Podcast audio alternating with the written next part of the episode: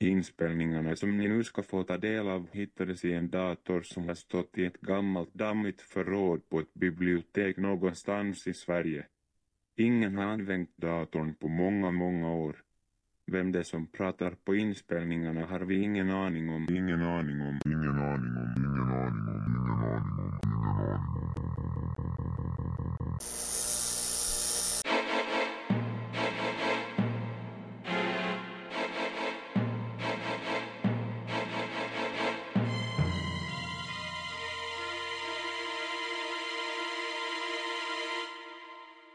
Mina vänner, tycker ni om att bada? Det gör inte jag. Jag har varit med om alldeles för hemska saker i närheten av vatten för att uppskatta det. Ni vet att det döljer sig både det ena och det andra där under ytan. Så passa er när ni tar er ett dopp. Idag ska jag tala om det hemska som sker i sjöar och hav. Den första berättelsen handlar om en vän till mig. Låt oss kalla honom Sebastian. Han var med om något utöver det vanliga en gång för inte så länge sedan. Nu ska ni få höra. Sebastian älskade verkligen badplatsen vid Långvikssjön. Så fort solen tittade fram och temperaturen kämpade sig upp över 20-gradersstrecket trampade han iväg dit för ett dopp. Den gamla damcykeln hade varit hans mormors och gnisslade mer än lovligt. Men den gick fort och var skön att köra. Den var lite stor, men det spelade Sebastian ingen roll så länge som den endast krävde fem minuter för att ta honom till sjön. Det kan tyckas märkligt att en 11-åring som Sebastian tyckte om att bada till den milda grad.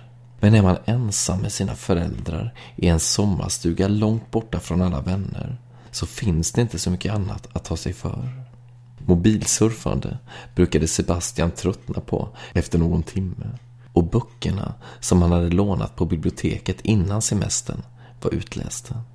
Nu var det måndag i mitten av augusti och Sebastian kom cyklande. Värmen var nästan kvävande men eh, han var ändå nästan helt säker på att han skulle bli ensam på badplatsen idag. Byn som låg i närheten var liten och nästan alla människorna där var för gamla för stranden. Sommargästerna hade avslutat sina semestrar och åkt tillbaka till stan. Oturligt nog för Sebastian var hans föräldrar båda lärare och deras sommarlov gjorde att han fick spendera några fler veckor än alla andra på sommarstället. Dessa hans sista veckor på landet brukade genomsyras av ett ganska kraftigt vemod. För trots att Sebastian inte uppskattade sommarstället speciellt mycket så innebar slutet på vistelsen där också slutet på sommaren och friheten. Inom kort skulle han tvingas tillbaka till skolan igen. Sebastian tänkte på det där nu. Det ledsamma i att sommaren snart var slut. Då han sladdbromsade cykeln så att gruset sprutade över hela den lilla parkeringen intill badplatsen. Det var inte speciellt långt ner till vattnet härifrån. Högst 75 meter. Men miljön växlade under promenaden dit. Först gick man genom gles tallskog som doftade brända barr och där trädens rötter förgrenade sig som blodådror över marken. Där skogen slutade avlöstes den av en ganska stor gräsyta där man gärna gick barfota men där kottar lömskt gömde sig i allt det gröna. Trampade man på en sådan med barfota fötter så var det svårt att hålla tårarna tillbaka. Ända längst ner vid vattnet fanns en liten sandstrand, ungefär två meter bred. Här brukade sandkakorna stå på parad under juni och juli. Men nu var stranden tom och det enda som fanns kvar av småbarnens sandlekar var en avbruten plastspade och en solblekt hink. Sebastian plockade upp hinken och tog hjälp av spaden för att fylla den med sand. Med den trasiga spaden tog det sin tid, men snart var hinken fylld. Sebastian tog ett stadigt grepp om hinkens handtag och klev upp på den långa, smala bryggan som sköt ut i vattnet. Han skulle ställa sig längst ut på bryggan och slunga iväg hinken så långt han bara kunde, hade han tänkt. Det kunde bli kul. Hinken var relativt tung och skulle därför flyga ganska långt.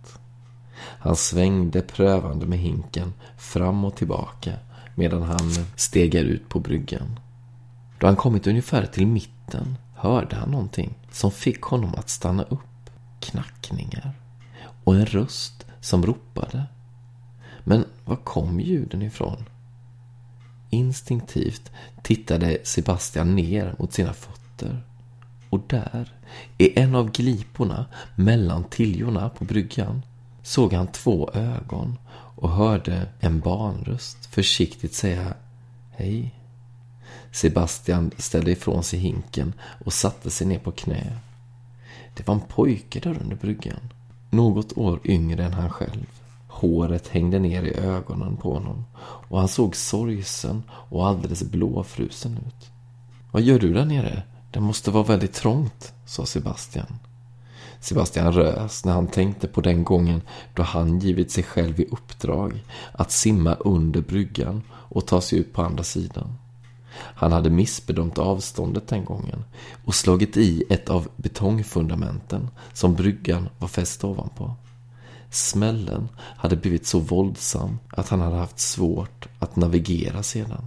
Han hann gripas av panik innan han till slut hittade rätt och kunde bryta vattenytan. Så nära att drunkna hade han aldrig varit, varken förr eller senare. Och sedan dess hade han aldrig varit under bryggan. Ja, du borde komma ut, sa Sebastian. Det där är inget bra ställe att leka på. Jo, jag vet, sa pojken. Men jag har fastnat på något sätt. Jag skulle bara simma in här en kort stund, men nu kan jag inte ta mig ut igen. Sebastian fattade inte. Hur menar du att du sitter fast? Ja, fötterna, svarade pojken. De är som fastlåsta liksom. Skumt, svarade Sebastian. Han antog att sjöbotten under bryggan på något vis måste vara så dyig att pojkens fötter sugit sig fast i botten. Han tog av sig skärpet som han hade i sina byxor och förde ner ena änden av det i en av springorna mellan bryggplankorna.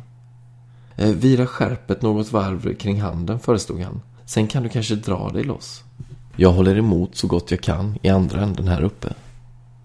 Pojken gjorde som Sebastian sa. Man kunde höra hur han kämpade och slet. Och Sebastian ansträngde sig lika mycket då han höll emot i sin ände. Till slut kände han hur pojken släppte taget om skärpet. Det går inte, snyftade han uppgivet. Jag kommer inte loss. Ja, vi får nog ringa brandkåren eller någonting, sa Sebastian. Det är enda lösningen. Jag cyklar till något av husen här i närheten och lånar telefonen. Då brast det för pojken. Han formligen skrek av gråt. Nej, snälla, hjälp mig nu. Jag klarar inte en sekund till här nere. Det är så trångt. Det känns som om jag inte får luft. Han började andas snabbt och ryckigt. Hyperventilerade. Eh, vänta, sa Sebastian. Jag kommer ner. Med ens lugnade sig pojken. Och det lät som om han var närmare skratt än gråt då han gång på gång upprepade tyst som för sig själv. Är det sant? Kommer du till mig? Är det verkligen sant? Kan det vara det? Ja, visst är det sant, svarade Sebastian. Låt mig bara byta om först.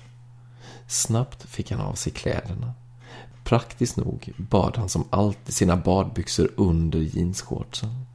Han hoppade ner från bryggan och ställde sig och tvekade i det ljumma vattnet. Skulle han verkligen klara av det här? Han var inte någon modig person och hade lätt för att få panik i trånga utrymmen. Mellanrummet under bryggan kunde inte vara mycket mer än en meter brett. Det här kunde bli fruktansvärt. Samtidigt kände han för den där stackars pojken. Hur förtvivlat rädd och panikslagen måste inte han vara efter så lång tid under bryggan? Sebastian hade ju glömt att fråga hur länge han hade varit fast där nere. Säkert flera timmar. Fy så hemskt. En plötslig beslutsamhet for genom honom. Han tog ett djupt andetag, dök ner under vattnet och började leta sig in till pojken. Cementblocket som kantade bryggan och höll den på plats var ungefär en halv meter brett och Sebastian var tvungen att hålla handen som en sköld ovanför sig för att inte riskera att slå huvudet i det. Det krävdes bara någon sekund under vattenytan för att komma in under bryggan. Genast när han dök upp ur vattnet fanns pojken där. Han hade ett brett leende på läpparna. Du kom, viskade han. Ja, men det sa jag ju att jag skulle göra, svarade Sebastian lite irriterat. Litade inte pojken på honom? Det var trångt. Bryggan var indelad i sektioner och utrymmet som Sebastian och pojken befann sig i nu var i det närmaste kvadratiskt. Man kunde inte ta mer än två, tre steg åt något håll innan man nådde fram till ramen av betong. Dessutom var det bara drygt en decimeter av luft ovanför huvudet. Strimmor av sol letade sig emellan bryggans trätiljor. Men det var ändå ganska mörkt här nere. Ja, trevligare platser har man ju varit på, mumlade Sebastian och log lite snett. Pojken nickade och sa sedan lugnt. Hjälp mig nu. Okej, jag vet knappt hur jag ska göra, men... Eh, ja, vad heter du förresten? Ja, Lars-Erik, sa pojken. Lite konstigt att heta så i din ålder. Pojken såg undrande på Sebastian. Nej, det finns flera på min skola som heter så. Sebastian blev förvånad och lite misstänksam. Stod den där pojken och ljög för honom? Skulle flera barn i samma skola heta Lars-Erik? Det lät otroligt. Lars-Erik heter man ju typ när man är 50 år eller äldre. Men det kändes löjligt att diskutera en sån banal sak nu. Så istället sa han. Ja, ge mig din hand så ska vi se om jag kan hjälpa dig loss. Pojken sträckte fram handen. Alldeles blåvit var den och svampigt mjuk kände Sebastian när han tog den i sin. Små bitar av hud lossnade när han greppade den. Så la han den andra armen runt midjan på pojken och började rycka och dra uppåt. En tung och unken lukt fyllde hans näsa. Pojken luktade liksom gammalt surnat vatten. Sebastian kvällde, men fortsatte ändå att dra i pojken, som verkade vara som fastgjuten i botten. Plötsligt kände han att pojken släppte taget om hans hand. Den lille lät sina kalla armar omfamna Sebastian istället. Sebastian trodde först att pojken gjorde så för att underlätta för honom. Men när armarnas grepp blev så hårt att Sebastian nästan tappade luften blev han rädd. Samtidigt viskade pojken. Det var i augusti 1963. Jag hade bråkat med min mamma och rymt hemifrån.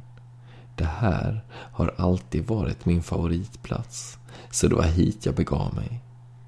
Det var sen kväll och ingen var här.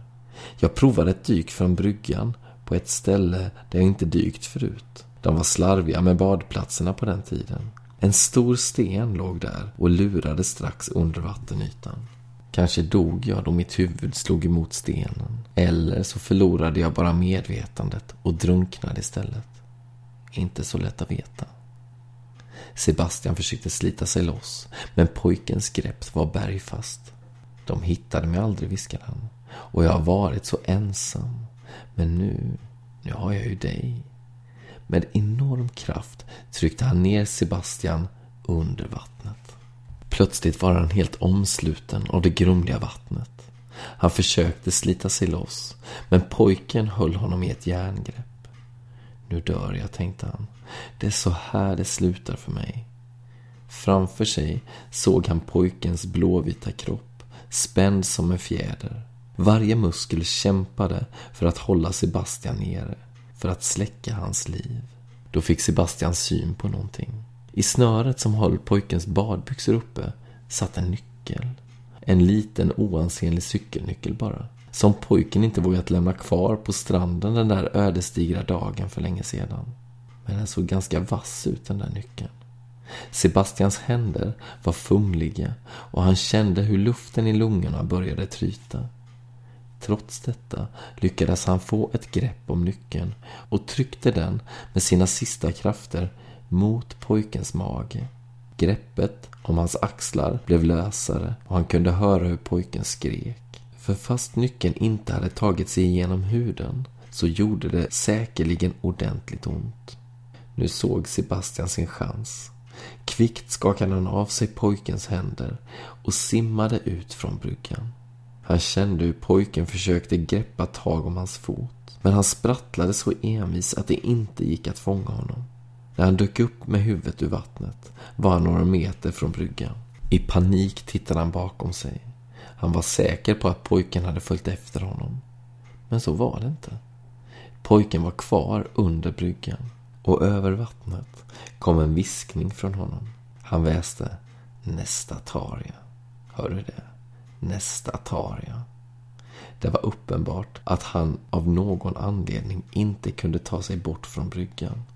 Utrymmet under bryggan var hans fängelse. Men att lura ett barn till sig igen skulle inte bli svårt. Han var bra på att verka vänlig och barn är nyfikna på otillgängliga utrymmen. Sebastian tog sig upp på stranden. Han slängde sig på marken och andades lättad ut. Men det fick bli en kort vilopaus. Hela badplatsen kändes ogästvänlig och hotfull.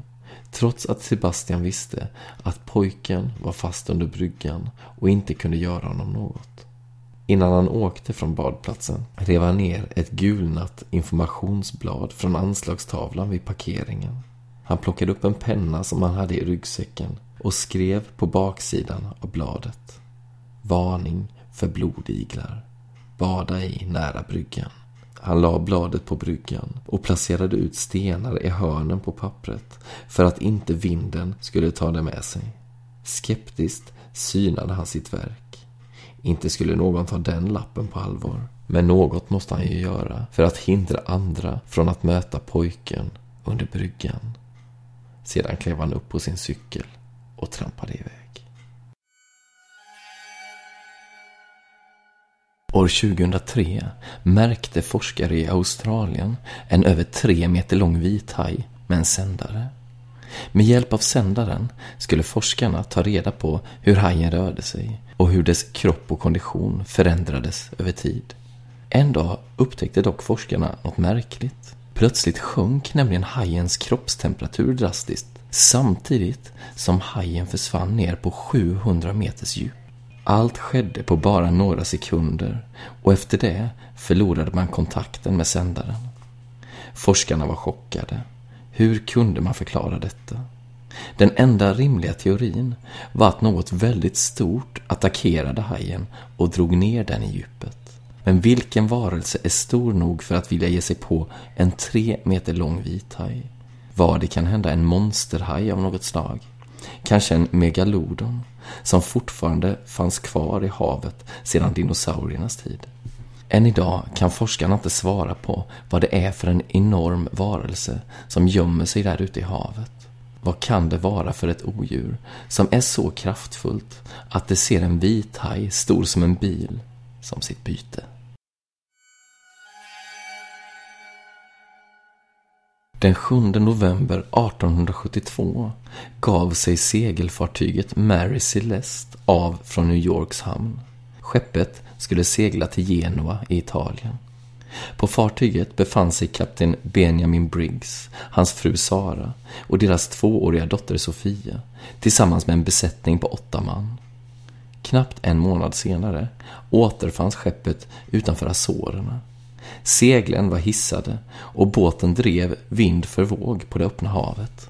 Det skulle snart visa sig att båten var övergiven.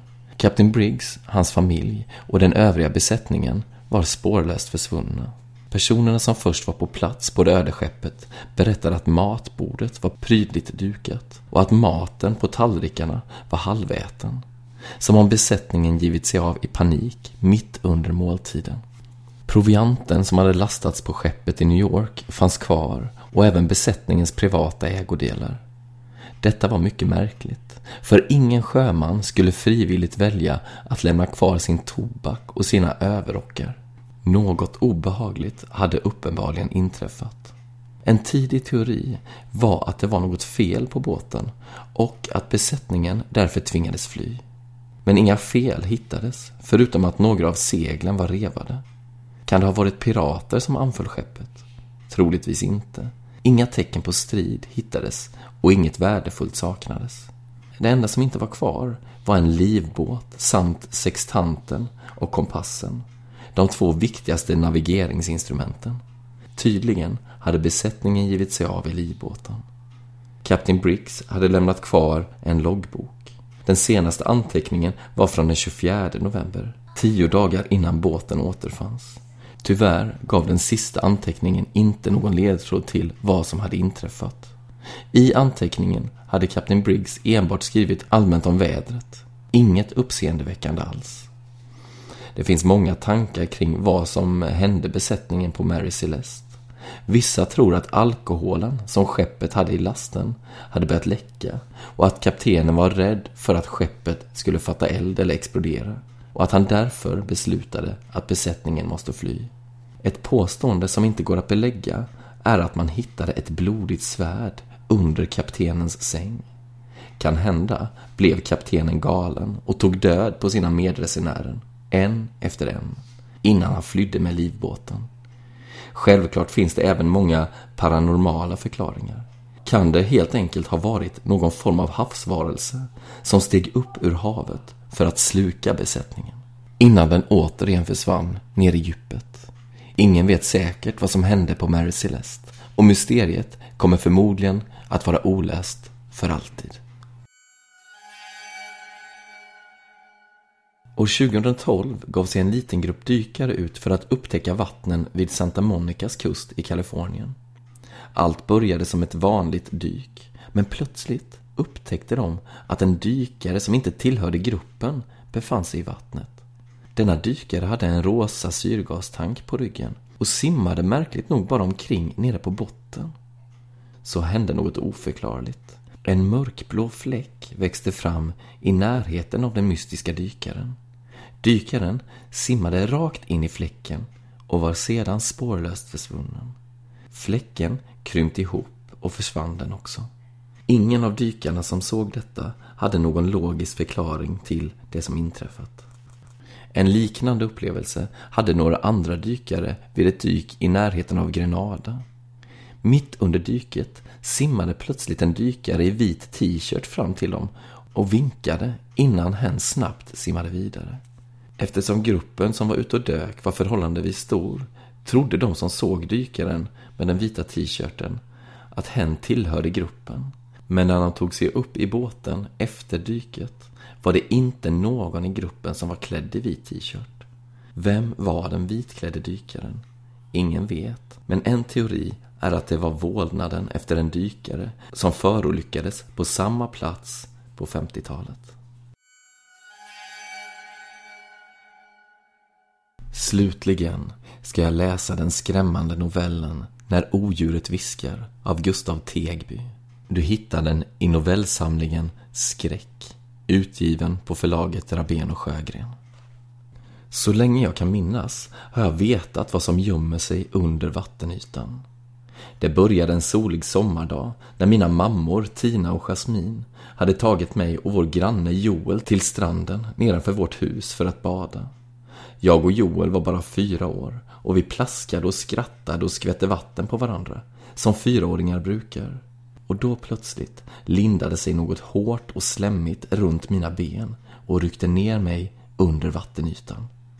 Jag försökte vråla, men fick bara lungorna fulla med vatten. Det slemmiga började släpa iväg mig ut mot havet. Jag hörde Joel skrika och mina mammor skrika, men jag hörde något annat också. Jag hörde odjuret viska. Och sen kände jag Jasmins händer och det slemmiga släppte taget. Jasmin lyfte upp mig och jag grät och hostade och hon kramade mig och bar in mig till stranden och försökte lugna mig. Hon sa gång på gång att jag bara råkat halka och att det var bra nu. Men fast jag bara var fyra år visste jag att det inte var sant och att det aldrig skulle bli bra igen. För inuti mitt huvud fortsatte odjuret att viska. Och det hade fortsatt med ända sedan dess. Det lockade och vrålade och så åt mig att komma tillbaka ut i vattnet. Det väste att jag inte kan hålla mig undan för evigt och att odjuret alltid skulle vänta på mig. För odjuret var hungrigt. Så vansinnigt oändligt hungrigt. Vissa av mina och Joels kompisar brukade älska att lyssna när jag berättade om odjuret. Andra blev jätterädda och började grina och sprang hem. Sen ringde deras föräldrar arga samtal till mina, som sa åt mig att jag måste sluta prata sådär. Till slut gjorde jag det, för det var ändå ingen som ville lyssna längre. De andra barnen tröttnade på mina historier och tyckte jag var barnslig och tjatig. Utom Joel. Inte ens när vi började skolan och han fick en massa nya kompisar, som Manga-Emil som hade byns största seriesamling, och jag inte fick några alls, så ledsnade han på mig.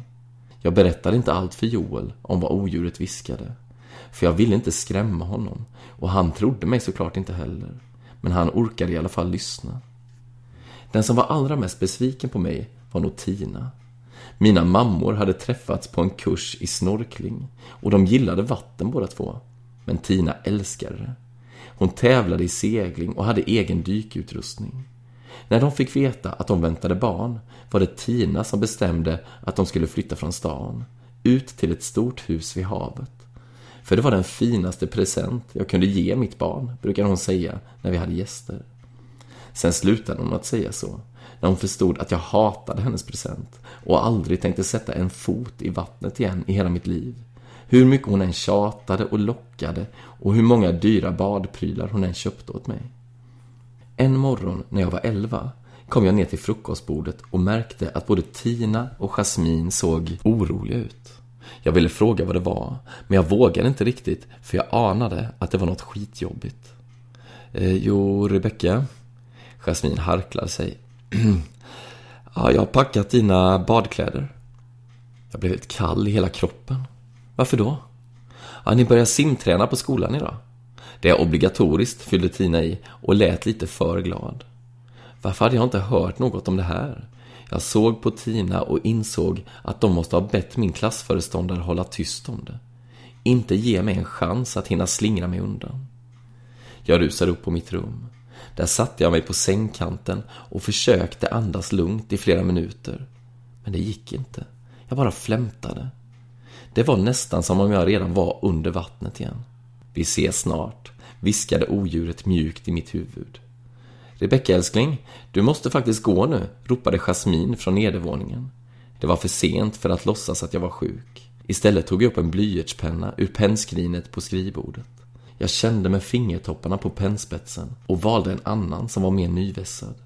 Och sen högg jag mig själv i låret med den, så hårt jag bara kunde. Det blev ambulans till akuten istället för simskola den dagen. Tina och Jasmin var helt galna av oro. Men jag ljög och sa att hugget bara varit ett misstag. En dum olycka. Det var ju en jättedålig lögn. Men de ville så gärna tro mig att de lyckades övertyga sig själva om att det var sant. Såret var inte djupt och jag fick snart åka hem. Nästa vecka var det dags för simskola igen. Hugget hade gjort så fruktansvärt ont att jag inte vågade försöka något liknande. Och dessutom hade jag lovat mina mammor att det aldrig skulle hända igen. Så den här gången gick jag till skolan. Det kändes som jag skulle kräkas hela vägen. Och det enda jag hade i skallen var odjurets röst och bilder av avslitna kroppsdelar som flöt runt i en sjö av blod. Badhuset i vår by ligger precis vid vattnet och är jättelitet. Bara en kort grund bassäng. Jag rös när jag klev i. Men vattnet nådde bara till midjan och man såg botten. Så det var ändå ganska okej. Okay. Kunde man simma fram och tillbaka i bassängen utan att sätta ner fötterna så fick man gå direkt ut till havsviken med hopptornen sen och vara där under resten av simlektionerna. De flesta, som Joel, hade klarat provet redan första dagen samtidigt som jag låg på akuten. Så de rusade glatt ner till stranden medan jag och några andra som inte heller blivit godkända än fick stanna inne och träna med vår klassföreståndare Göran. Göran var en jättebra lärare. Han var lugn och snäll och hade hur mycket tålamod som helst. Efter bara några lektioner hade de flesta klarat provet. Och en dag var det bara jag kvar, som inte hade gjort några framsteg alls och inte ville göra det heller. Göran försökte och försökte och försökte. Tills en dag, då han istället bad mig följa med in på ett kontor. Där satt mamma och mamma och jag suckade för jag förstod vad de skulle säga. De pratade med mig länge. De använde ord som barndomstrauma och fobier och exponering. De sa att det inte var konstigt att jag var rädd, men att jag måste börja vänja mig vid vatten. Det kunde vara små steg i taget, Men om jag bara försökte så skulle jag upptäcka att det inte var så farligt som jag trodde. De försökte fråga vad rösten jag hörde sa till mig och jag förklarade att jag försökte låta bli att lyssna på den. Du kanske borde lyssna, sa Göran. Ju räddare du blir för den, desto mer makt får den över dig. Alltså, det låter ju rimligt, sa Joel på vägen hem från skolan. Det var rätt sällan vi hade sällskap nu för tiden. Jag undvek det, för jag fattade ju att det sabbade för honom att synas med mig. Men den här dagen hade han sprungit ifatt mig. Mm, säkert, sa jag. Alltså, du kan väl prova? Du kan ju inte gå runt hela livet så här liksom. Kan jag väl? Fast vad då? Vill du vara ett freak eller? Jag tvekade. Nej, såklart inte, men... Alltså, jag fattar att du tror på det här på riktigt. Hans röst blev mjuk. Jag vet det. Men så här. Bara tänk. Tänk om det är så att du har fel. Att den där rösten bara är i ditt huvud och att alla vi andra har rätt och att det aldrig funnits något odjur. Fatta så mycket lättare livet skulle bli. Du är ju normal annars. Eller ganska i alla fall. Jag började nästan grina när han sa så. För jag insåg att det inte fanns något jag hellre önskade än att det skulle vara så. Och det sa jag också. Han log snällt. Jag hjälper dig, vi gör det tillsammans. Samma kväll väntade jag tills jag var säker på att mina mammor somnat. Och sen smög jag ner till stranden. Joel väntade på mig, längst ut på den långa höga bryggan nedanför vårt hus. Natten var mörk och ful och hotfull och jag huttrade när vinden piskade mig i ansiktet. Jag tvekade inför nästan varje steg, men jag stannade inte. Små, små steg i taget, viskade jag till mig själv och fast benen skakade så fortsatte jag. Ända tills jag stod där längst ut på bryggan bredvid Joel, omgiven på tre sidor av det djupa, becksvarta, iskalla vattnet. Jag hade bestämt mig för att jag skulle stå där en hel minut innan jag fick gå in igen. Fy fasen, sa han. Ja, sa jag och bet ihop. Vi stod där några sekunder. Hur känns det? Jag ryckte på axlarna och försökte se oberörd ut. Allt jag ville var att springa för livet, men jag bet ihop och stod kvar och försökte låta bli att lyssna på odjurets röst, fast den dånade i hela mig, som en höststorm. Jag tittade på Joel och han mötte min blick och det gjorde mig lite modigare. Efter en stund sneglade jag ner på mobilen. Alldeles strax hade minuten gått. Jag skulle klara det. Ingenting hände. Odjuret kunde inte komma åt mig. Sakta, sakta började min spända kropp att slappna av. Jag lutade mig lite mot Joel och han la armen om mina axlar och log mot mig. Och sen knuffade han ner mig i vattnet. Jag hamnade under vattenytan med huvudet före. Allt blev svart. Paniken vällde över mig. Min första tanke var att bara öppna munnen, låta havsvattnet strömma in och drunkna innan odjuret fick tag på mig. Men kroppen vägrade lyda. Istället började mina armar och ben fäkta vilt, försökte ta mig upp till ytan. Plötsligt slog jag pannan mot något hårt. Jag var så skräckslagen att jag simmat ner mot botten istället, utan att ens fatta det. Till slut fick jag hostande och skrikande huvudet ovanför vattnet. Jag famlade vilt och fick tag på en av bryggstolparna. Jag klamrade mig fast, klängde och hasade mig upp för den tjocka träpålen mot tryggheten. Inte än.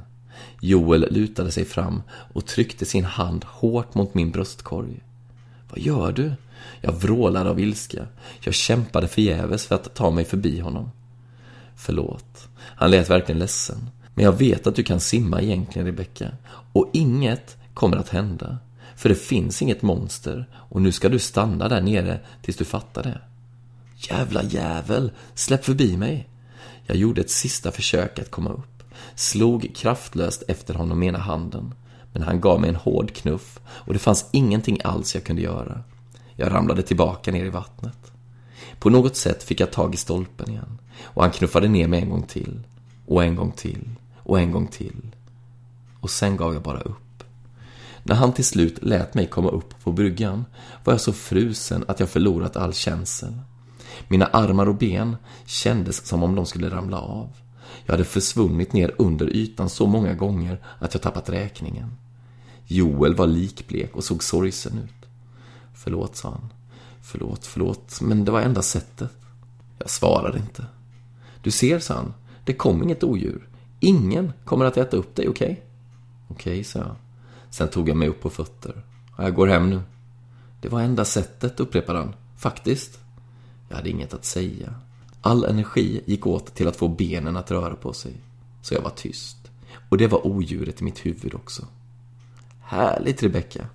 Två veckor senare gjorde jag simprovet. Och det var så enkelt att det nästan var pinsamt. För det var som Joel sagt. Jag kunde ju simma egentligen. Det hade jag alltid kunnat. Han stod bredvid bassängen och hejade på och kramade mig när jag kom upp. Och jag kramade honom tillbaka. Du visade dem, viskade han. Du visade dem jävlarna. Jag vet inte vilka han menade. Våra klasskompisar eller Göran och Tina och Jasmin. Eller kanske hela världen. Hur som helst var han överlycklig. Men lyckligast av alla var förstås Tina och Jasmin. När jag kom hem och berättade att jag klarat provet kunde de knappt behärska sig. Jag kunde se i Tinas ögon hur hon genast började planera så många badsemestrar och snorkningskurser att till och med en sjöjungfru skulle ha sagt åt henne att ta det lugnt. Och när jag berättade att jag föreslagit att klassen skulle ha skolavslutningsfest på stranden vid vårt hus blev hon så stolt att hon inte visste vart hon skulle ta vägen. Hon och Jasmin var så nöjda att de inte ens sa emot när jag förklarade att de faktiskt fick hålla sig hemifrån den dagen. Min skräck för vatten kanske var borta. Men skräcken för att ens föräldrar ska göra något pinsamt inför ens klasskompisar finns det inget botemedel på. När dagen kom fixade de snacks och dricka och fällbord och sen gick de till jobbet. Joel kom före resten av klassen och vi satt på stranden en stund och drack cola och tittade ut över viken. Efter ett tag dök de andra upp. Och Göran förstås. Och de flesta försökte till och med vara trevliga och säga något snällt om hur fint jag hade fixat.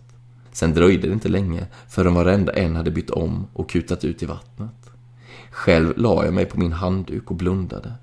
Lyssnade på deras skratt och skrik och plaskande. Jag insåg till min förvåning att jag kände mig lugn. Att jag kanske rent av kände mig lycklig. Ska du inte med i? Jag öppnade ögonen och kisade upp mot Joel som stod där i sina badshorts. Om en stund, sa jag och log. Han nickade och log tillbaka. Och just då hände det. Den första som odjuret slukade var Göran. Jag vet inte om det var en slump eller en plan. Om det tänkte att det var bäst att döda den vuxne först. Men kanske var han helt enkelt den största munsbiten. Hur som helst försvann han ner under vattnet, så snabbt att ingen ens märkte någonting. Sen var det Mange-Emils tur. Den brungrå tentakeln smög sig upp runt hans hals bakifrån. Han trodde nog att det var någon från klassen som skojade med honom, för jag såg hur han började flina. Sen klämde tentakeln åt och så fanns det ingen Mange-Emil mer. Stojet och skratten från mina klasskompisar tystnade. För ett ögonblick var stillheten och förvirringen fullständig. Därefter klöv en dussin tentakler vattenytan och alla bara skrek rakt ut. Joel snurrade runt och fick syn på kaoset. Åh shit, flämtade han. Kom igen, vi måste hjälpa dem, vrålade han och rusade rakt ut i vattnet. Så typiskt Joel. Han skulle alltid försöka hjälpa allt och alla. Jag ville ropa någonting, förklara att det var meningslöst. Men jag bara satt där. Joel har alltid varit bra på att simma. Några kraftiga armtag bara, så hamnade han mitt i kaoset av blod och slem och panik. Tentakel efter tentakel sköt upp från havsbotten och slet ner den ena efter den andra av våra klasskompisar i det mörka djupet. Han famlade efter några av dem som fortfarande levde. Men hur snabb han än var, så var odjuret snabbare. Varenda person han sträckte sig efter rycktes genast ner under ytan. Det kändes nästan som att odjuret lekte med honom. Som en hund som äntligen blivit av med sitt koppel och är vild av förtjusning. Det var inte förrän den sista eleven försvunnit ur sikte som Joel insåg att det var lönlöst. Först då försökte han fly. Han hann faktiskt nästan tillbaka till strandkanten innan en av tentaklerna fick tag på hans ben. Den lindade sig flera varv runt hans lår. Precis som den lindat sig runt mig under vattnet när jag var fyra. Innan den fick honom att tappa balansen med ett kraftigt ryck. Och sen började den, utan brådska, att släpa tillbaka honom ner i vattnet. Joels blick mötte min. Jag satt kvar på min handduk och betraktade blodbadet. Rebecka, spring efter hjälp. Det är odjuret, vrålade han. Hon har faktiskt ett namn, Joel, svarade jag lugnt. Joels ögon blev stora. Han öppnade munnen för att säga någonting. Be om nåd kanske. Men just då ryckte tentakeln till och sen var Joel också borta för alltid. Allt blev lugnt och tyst. Jag såg mig om. Kunde fortfarande inte tro att det verkligen hade hänt. Det såg inte alls så hemskt ut som i mina drömmar. Blodstrimmorna som syntes på vattenytan höll redan på att lösas upp. Mitt stackars odjur hade verkligen varit helt utsvultet. Inte en enda kroppsdel hade hon lämnat efter sig. Snart skulle det enda spåret efter vad som hade hänt vara kläderna mina klasskompisar spritt ut över hela sandstranden. Ouppfostrade idioter som de var. Jag reste mig och samlade in plaggen i en stor blå IKEA-kasse som jag hade tagit med. Allt ska man behöva göra själv, tänkte jag. Jag tittade på klockan. Det var åtminstone en timme kvar till mina föräldrar skulle komma hem igen. Gott om tid för ett litet bad. Kom Hydra, kom nu, lockade jag. Och odjuret kom genast plaskande, mätt och belåtet. Hon viftade glatt med tentaklerna och ville leka. Jag rusade ut i vattnet och kastade mig i. Jag log och klappade henne. Kände sugkopparna och den tjocka, taggiga huden mot min handflata. I mitt huvud kunde jag höra henne spinna, som en katt framför öppna spisen. Den där kvällen med Joel vid bryggan hade jag tvingats göra det som alla hade sagt åt mig att göra. Där, under vattnet, hade jag stirrat det jag var mest rädd för i vitögat. Jag hade till slut lyssnat på hydrans röst, som viskade att jag inte kunde hålla mig undan för alltid. Som förklarade att hon alltid vetat att jag var hennes härskare och att hon skulle dyrka och skydda mig för evigt. Och att det enda hon begärde var att jag skulle skaffa henne något att äta, så att hon slapp vara så hungrig längre. Det tyckte jag lät rimligt. Så länge jag kan minnas har jag vetat vad som gömmer sig under vattenytan. Och jag har alltid vetat vad jag måste göra för att få henne att tystna. Mm, så kan det gå. Kanske jag har stillat er längtan efter svalkande bad något nu. Det var allt för den här gången. Men kom ihåg, till nästa gång. Ondskan finns där ute. Så håll ögonen öppna.